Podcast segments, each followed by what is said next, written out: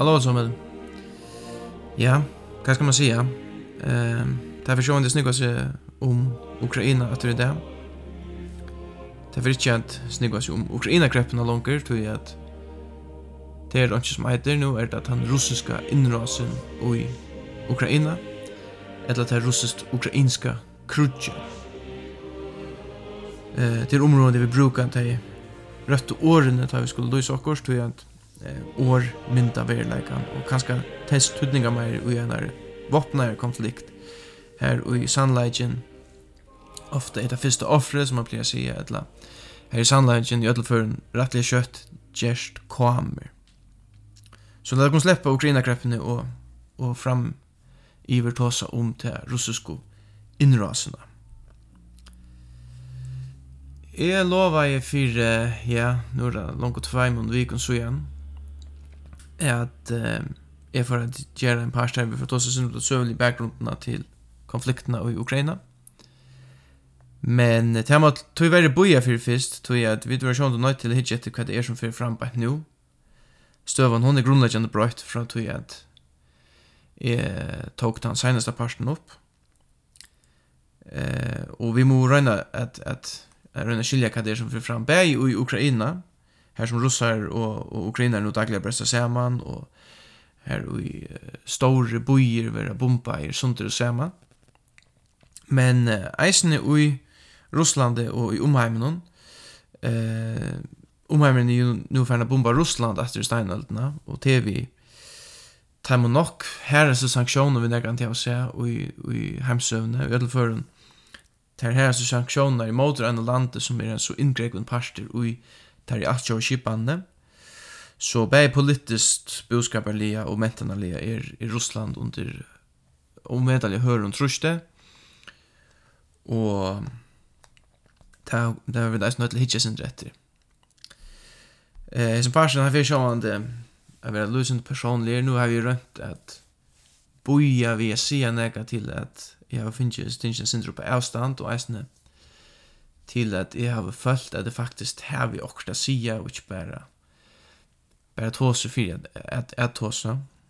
Um, men vi vil alt så det så rakt at tåse for fremme løtene, og eisen må ikke gjerne stav er brøtt til rettelen jeg, at fra det til dag så er det at lese russisk plutselig ikke så rett stått litt i ødelføren tog jeg at nekva tog som det innebærer å lese russisk er jo at jeg var kontakt vi russar og nekva av, av, av Öljan jag tog kontakten er i det bliven eh, avbrott.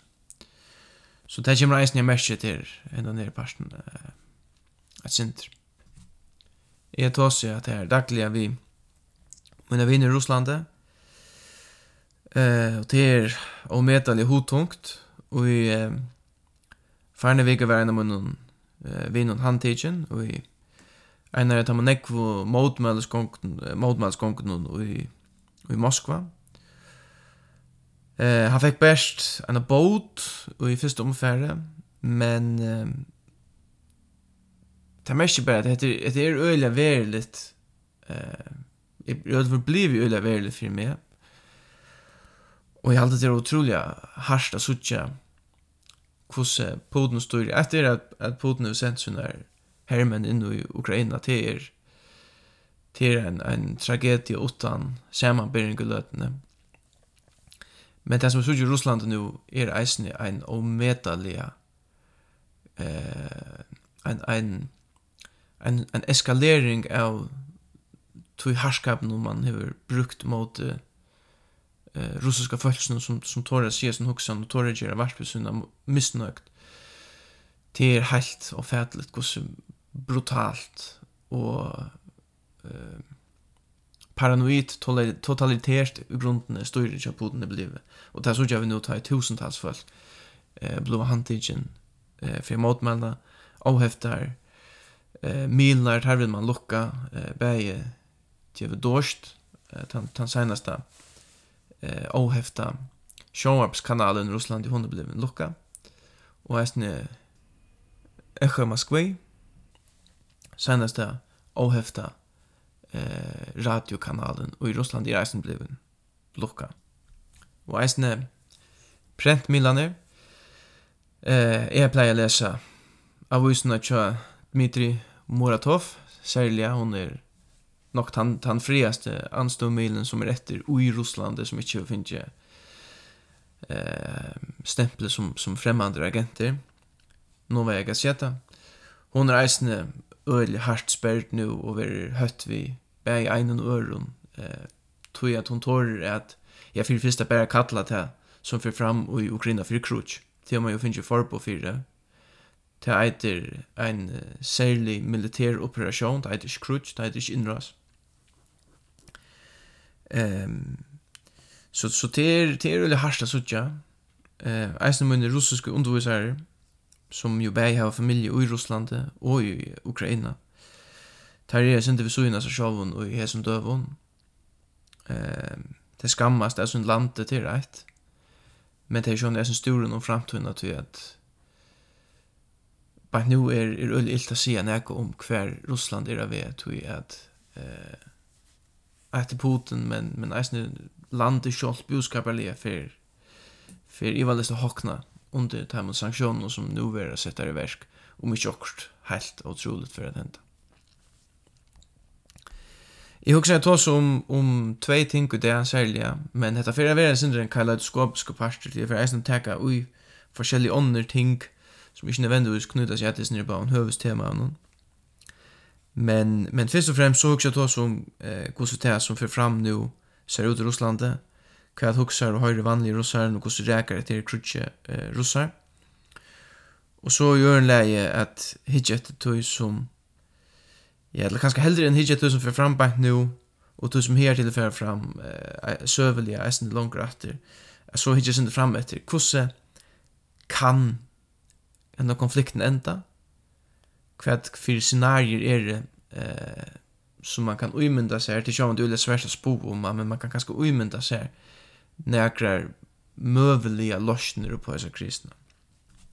Det er også jeg snitt også som vi, vi det.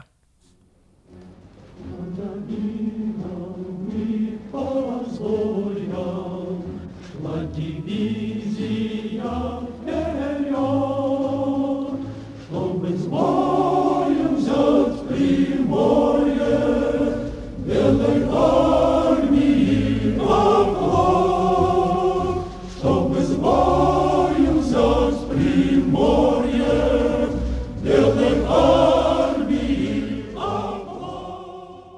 kunde kanskje börja vi at um, hitta etter hver standa vi beint nu. altså hver hur så ligger landet i løten, ja. og jeg vil hova at det er, er tidigt opp tann 8. mars at vi alt tjoa och allt tjoa kampdenen tjoa noen. Og det som hände Och i Joar var at det kom en møvelig eller här her här kom här kom Gustav som fraboan fra från Kreml om kvärt man kan sugja som en møvelig lost eh vi förhandlingsspåret. Og det er vi sinne snikksnakk astro fram om hva det akkurat er som Russland krever. Jeg har et telegram her fra til russiske togindastovene tass här i tävr skriva eh Россия требует от Украины, чтобы она прекратила свою военную деятельность, прописала конституционный свой нейтральный статус, признала Крым в составе России, а также независимость Донецкой и Луганской народных республик. Об этом пресс-секретарь президента России Дмитрий Песков заявил в интервью агентству Reuters в понедельник – Подчеркнув, что в этом случае военная операция Российской Федерации может быть прекращена в любой момент. Og hva er mest så det? Jo, det er mest i munner omsetning Russland krever av Ukraina at landet gjefst vi så innan hernarlige virksomhe, fremmer en av grunnlovarbrøyting og stedfester at landet er neutralt. Det er landet er neutralt, det er at, at man binder seg til ikke at færre på i till och med Sverige samgångna NATO och eh, sannsynligvis så är det en politisk fällskap som eh, ES. Ehm at Ukraina vi kjenner Krim som parst av Russlande, og vi kjenner Folkarepublikkene Donetsk og Lugansk som kjølstøver. Hetta sier hans med rundt kjøren russiska forsetan Dmitri Peskov, vi tog indastående røydersmånedegjen, og understryker at om hetta vil framt, så kan hernærlige operasjoner til Russlandet beina veien stekkast. Og dette er jo rettelig avhverst, tog at for det første så er det det som Russland i grunden stod til å kunne få og gjør det for rettelig tatt vi få utan at fære militært inn i Ukraina.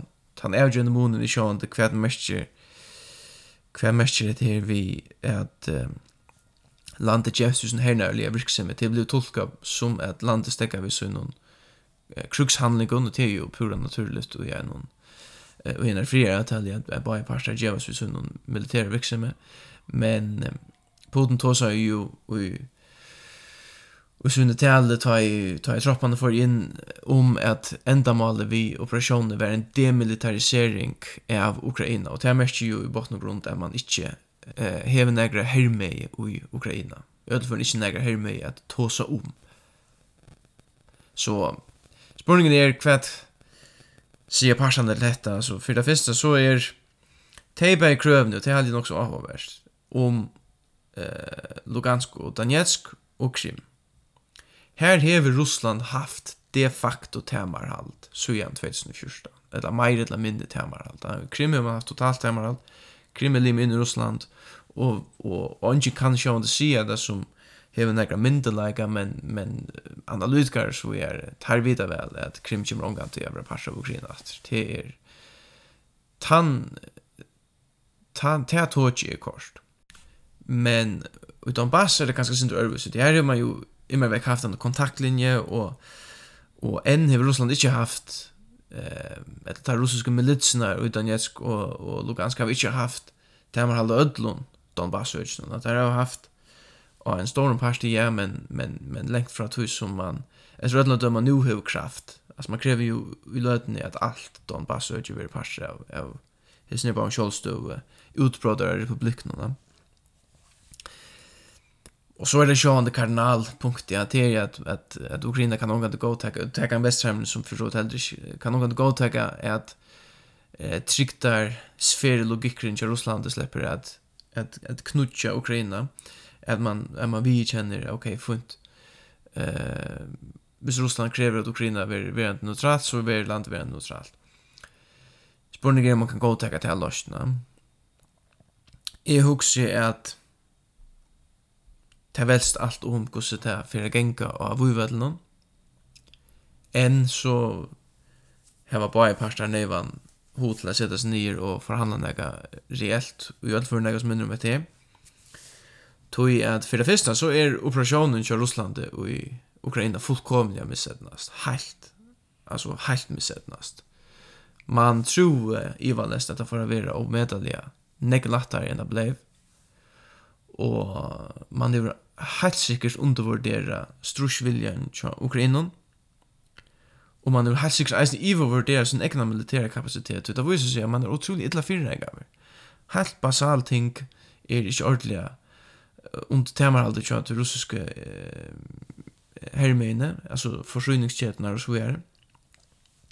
Og moralen halde eisen er helt nere i botten. Og, og det, till nekvar server man ska köra inte trycka alla som höjer men man höjer mitt landa så som att nekvar är snär delt någon russiska helt delt någon det blir en mer men lumpa är till till till fronten man säger att en en och så är det så bra så är man ju en reellare eh så man så man du vet försvarsplan en reellare inras och och och det är ju ens ner vi att Ryssland och Ukraina ju ett land där är bröder tjover och att det er eisen nøyder at hjertan og tja taimon troppen som er sender inn at tar tar altså ikke ho at vi er krutsk i Ukraina. Så det er lukka som det ene som, som, som spiller inn her.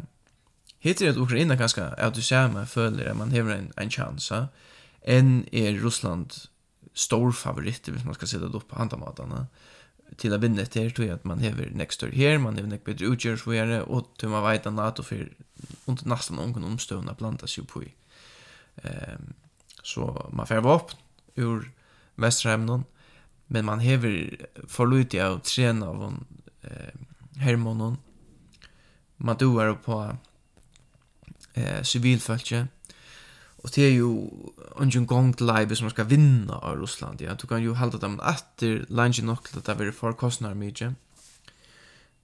Eh, och så på att han att han kanske röna få en av mer favorable avtale enn det skulle gå nu. Men eh, det er ungen ivi om at nu, kanske långt nu, men ödel för en kjøtt, så för, så för det är snälla vänta till att här till utav er Ukraina som har kunnat spalta på tog. Ju långt man kunde hålla Ryssland i eh ju långt man kunde engagera Ryssland och dreja konflikt nu ju mer spaltade till firmons för Ukraina. Men nu får det nog vänta till att för det första Ryssland börjar bomba byarna och räka civilfallet. Eh men eisen tror jag man börjar nu att kringsätta byarna och börja köra av eh vi försörjning till byarna alltså vatten eh mäter strömmar och så vidare för att mangla eh Och tar det plötsligt russarna som kunde boja.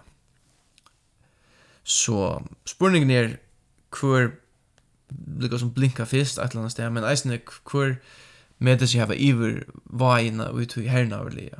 Og det er ikke for en annan parten heldur seg for å kunne få mera bors ur i förhandlingsspåret enn uh, av vujvatlen och sjolvun at man for å kunne sutja mövlagan för enare forhandler løsene, en semingsløsene omkring Hvordan får det ut? Tja, hva veit det er om å se en om. Um, det som ligger av barnen nå, fra, fra russiske sjøye, det er kanskje ikke overreelt at begge Krim og Donbass kommer på spil, og er brikker i en forhandlingsspil. Demilitarisering og neutraliteter er kvæna verre at gå teka fra ukrainska sjøye, men sjåvande hvis man bombar eh kiv sundur i, i tusen stitcher och och och vi börjar få 20 tal stay folk eh vanliga civila ukrainare så kanske man får kunna gå ta det. ta får det sucha och i tojne som kommer. Men hvis vi så prøver å lukke å vente øyne mot Russland, her får jo eisen i alt mellom himmelen gjøre frem i løtene, og her som døven. Her har vi store motmannskonker, eh Milan är vara eh lucka som jag säger. Eisen västerländska eh korrespondenter och journalister är från Ryssland tror jag man har valt att eh helt av frigida en samtyckt man en lov i rysdomen som säger att Milan täckningar som är eh, som är struivit här som är sunlighten heter det om militäroperationer i Ukraina de kunne refsas vi fångsel opp i 15 år. Och det fikk fick mitt landa där mitt midlanda reisende, jeg träffas under korrespondenter hem till att det är ju ikke en, risiko som är verdt att täcka. Och ja, boskapen i Ryssland utrolig härspressen nu rubeln är är färden och i smasta sorg. Ehm oljepriserna han hackar öl till lötne. Og øyelig nekk vestillensk fele, altså bei Ikea og Visa, Paypal, eh, TikTok, Facebook, så er øyelig nekk heva lete uh, atter fyrir sunne virksame uh, og lete atter fyrir egang til sunne virksame i Russlandet. Og sjåvande Swift, um, hef man stonkt Russland ut ur nu så man kan ikke gjøre flytingar etter fram.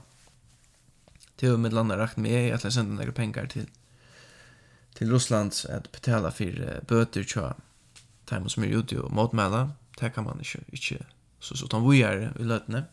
Och faktiskt eisne Medusa som ju är en av dem känt och rätt stor och anstöv milen eh, som skriver sin kritiskt om det som för fram i Ryssland. Eh, det är eisen här sagt nu till att en stor parter av av fudgings nu ikke teimen kommer fra leseren som, som eh, leta pengar til virksomheten ikke teimen.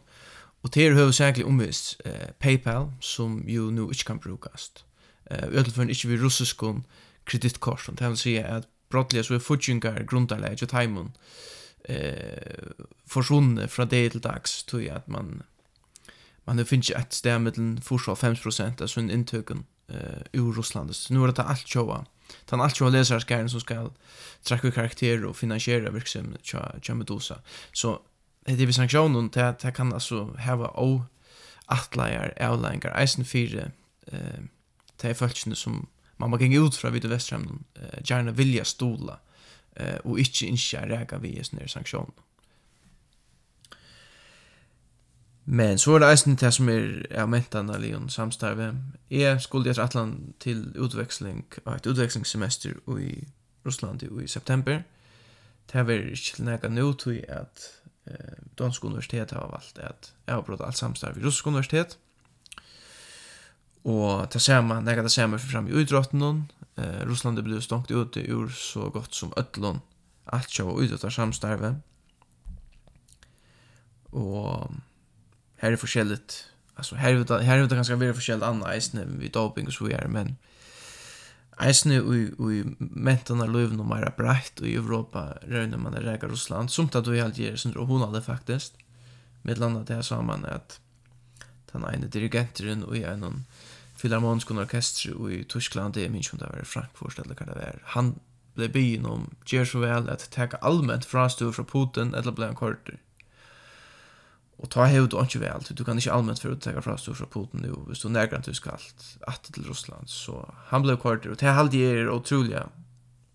Det er tankakontroll som är i Vrövstamar. Eh, Eisen Nekv av, av alltså bäger russiska balletter och så är blå ävlust der, En fyrirläsare retja om bokmentna Kjönta Stojevski som skulle være i Italien om blå ävlust.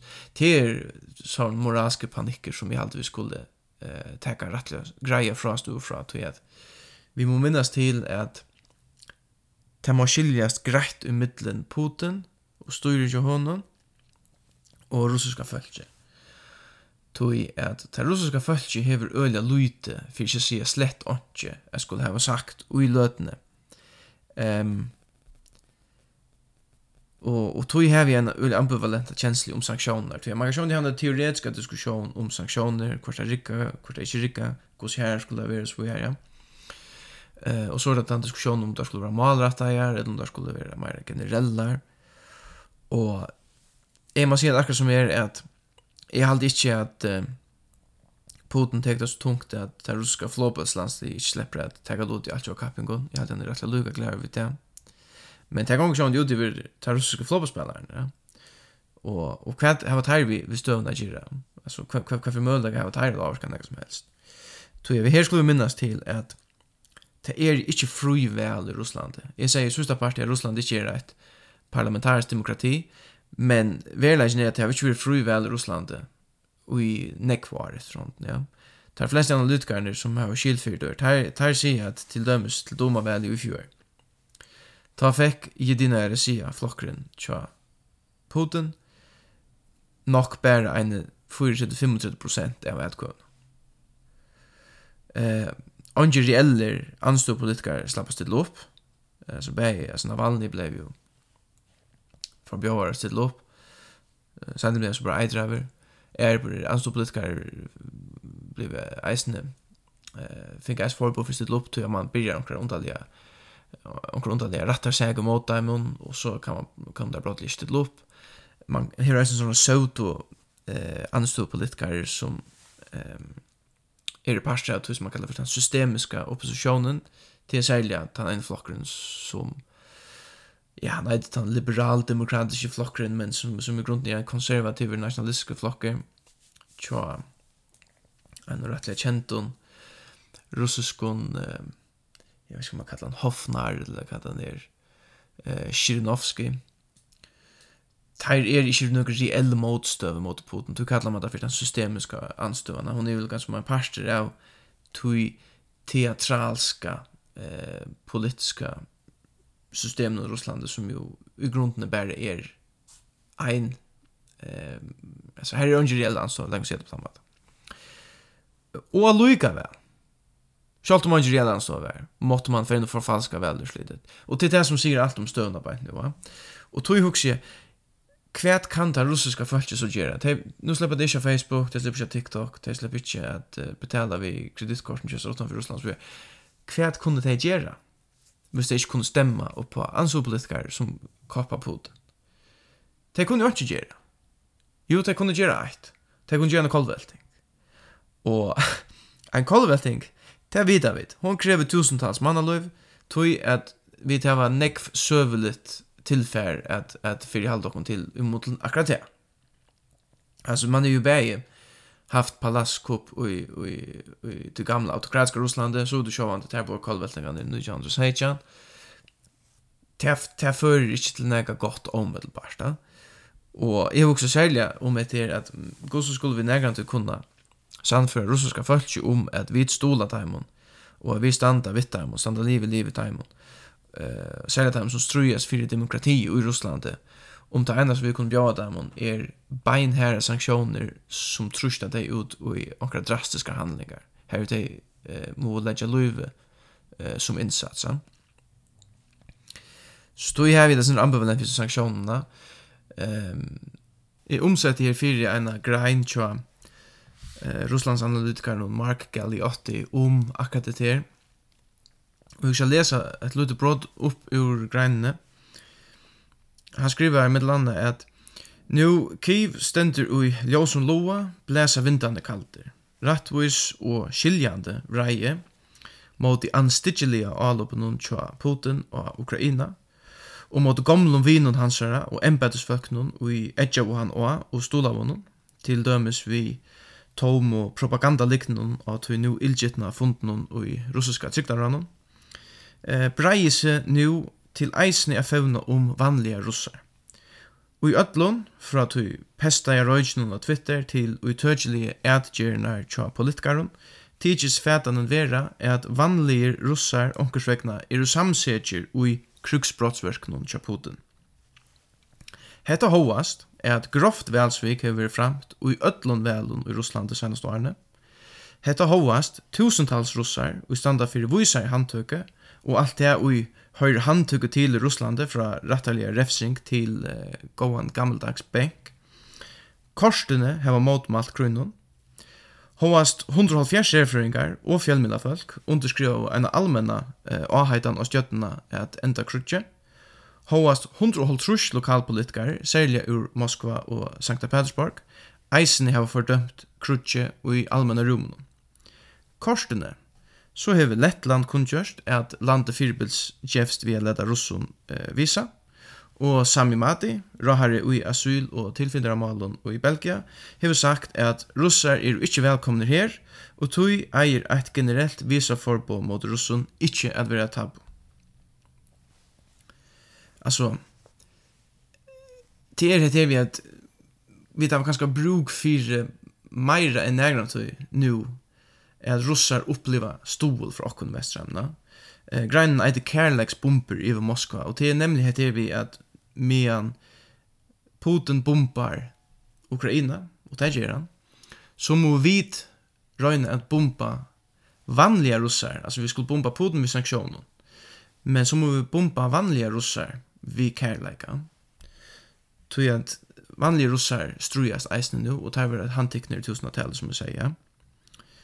Og tog endar Galiotti Granna vi har skriva, eh, til Teatoi, og, og Teatoi til ta i henne goa Putin-toien byrjar å komme til en enda. Eller så langt det gjør skal ein i alboskaper slås fast, vi tjej Thomas seg. Vi fordøma Putin, sjálvande, orsak av öllum tui, han ger mot de ukrainska folkene, eh, folkene, men eisene mot russen, hvers budskap Putin og hans folk har eirant, og hvers framtøy han har sett i voa. At vi elskar russar, virus med at mentan, og ta viringa verda og i tæra søve. ta er det rette å gjøre, det er eisene ta snilta å gjøre, det er funnast slea er vi stige okkon at budskaperlige vøtten og tja Vesterheimnon ta vi refsa Kreml, fyrir tess krutsk mot Ukraina, men vi må ikkje forsøma eisene at bruka blettvald. Og det er i grunden det som jeg husker om dette her. Det som man ser er ruska faktisk ikke skjønte vi operasjonen i Ukraina. Jo, nøker gjerne. Men man sier, serfrøyngar sier at, at Og i Russland så er det cirka så leis at 35% av folkene er eh, stolar kjøst jentene.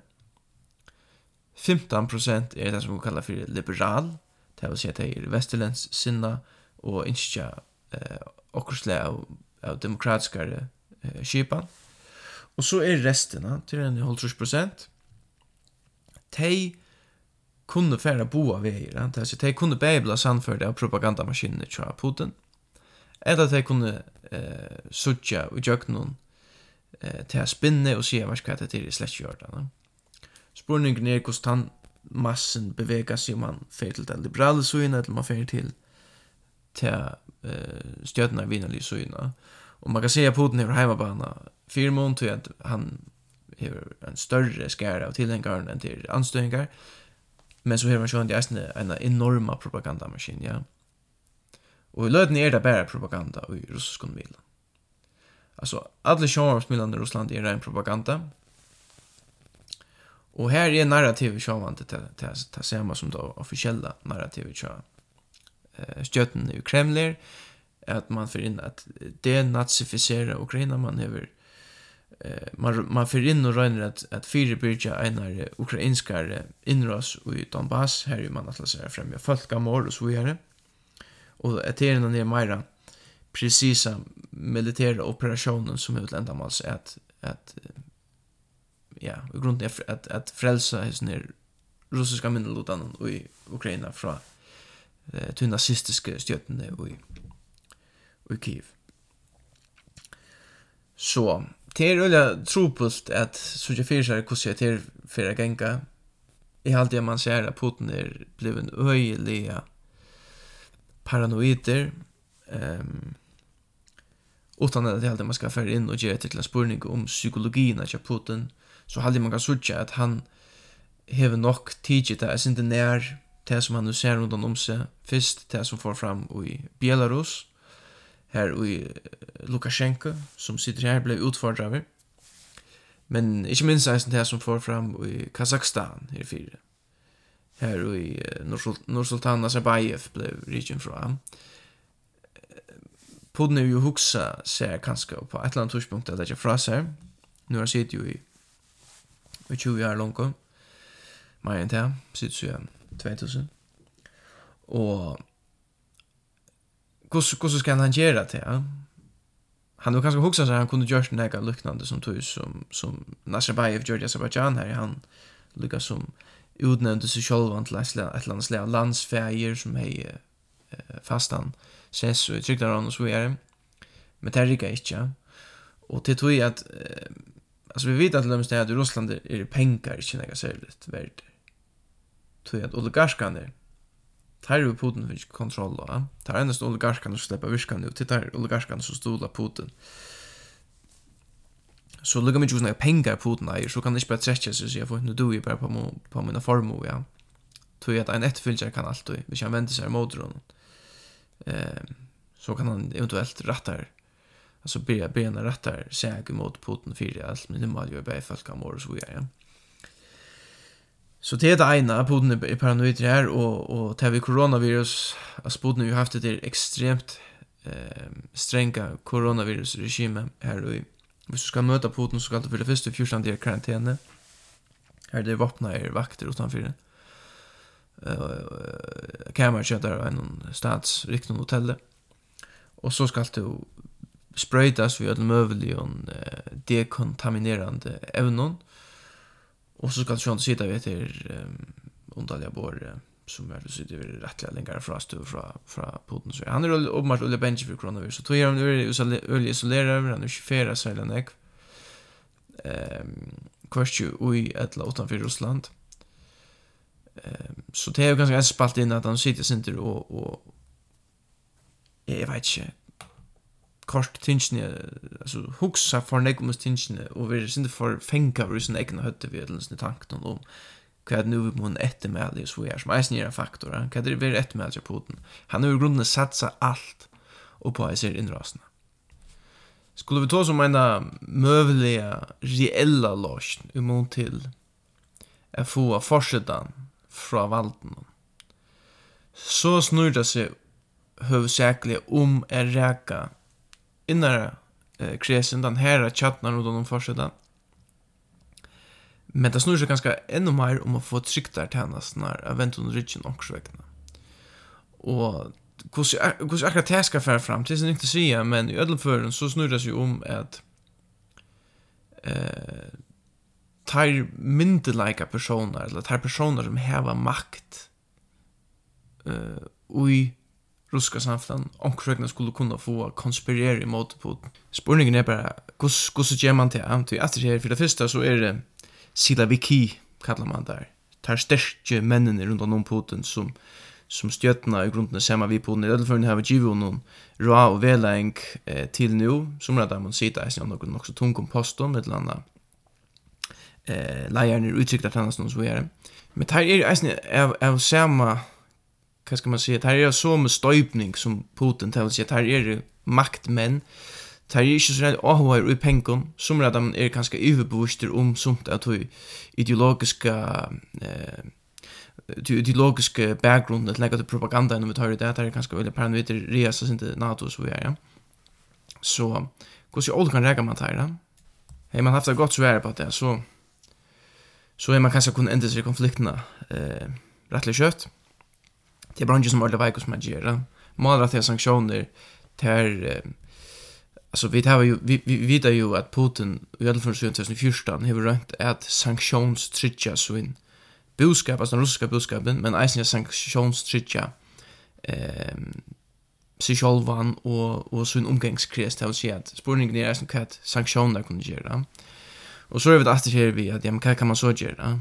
Skall det så vara folk som tänker sig samman? ehm till ringt till ringt att säga och och vi måste bara boja och söka allt igen till att vi lödde det bättre i rör till att spå om om akkurat hur så tärfär så ut.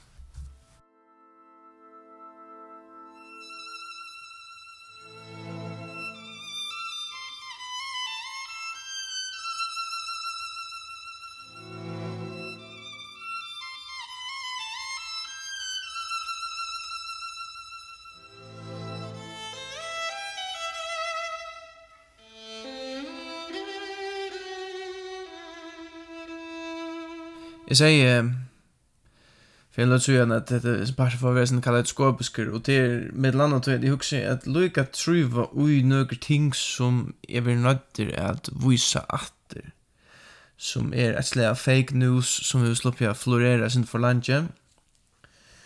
Och det första är man har hørt søver om att uh, Vladimir Vladimirovich, farsen Vladimir Putin är dejliga sjuka. Det er han ikke. Det er han ikke som bender av det. Eh, det er søver som er reglelig at høyre. Så hvis de har hørt det, så til cirka et år så vil han ta hver det Parkinson. Man har reist i han hever forskjellig anna. Det er han ikke som bender av Putin i sjuk. At han er deilig sjuk eller noe som helst. Han er jo, i veldig lest haft korona, men hvor er det ikke det? Ja? Og så, så lenge til jeg ikke kommer fra noen troverdig og kjeldon, så vinner jeg litt vera ved at eila det, tror jeg at for det første hva, hva hjelper til og hva, hva, altså, hva mån gjør til det enda, altså, Putin er stadigvæk ikke sveker, han er stadigvæk ikke nægge som helst, han, han er en utrolig kalkulerer med over, han lever en fantasiver i trontene, Men jag rönnar reducera det till sjukor så vi är. För det första så tar det i apert när jag vunna. Åh nej, ta bara sjukan som kört det så vidare. Så levererar vi till och vi är väl signa i vi är liksom världen vi kan det är för källor till brukar just tog tog att det här rekordar massiva informationskampanjer från barnpörsen kan man säga. En annan myt det är det vi själva gör att någon och den goda gamla myten om kan få fram utan passa. Mm det er bare klart for ein og kvann person bare nå. At det som får fram i Donbass var orkestrere av russaren, det er omgang til nega vi en folkslig oppstand av Gjeres vi er, og det har aldri haft nega av Gjera vi respekt for sjølsa av Gjere-rattene.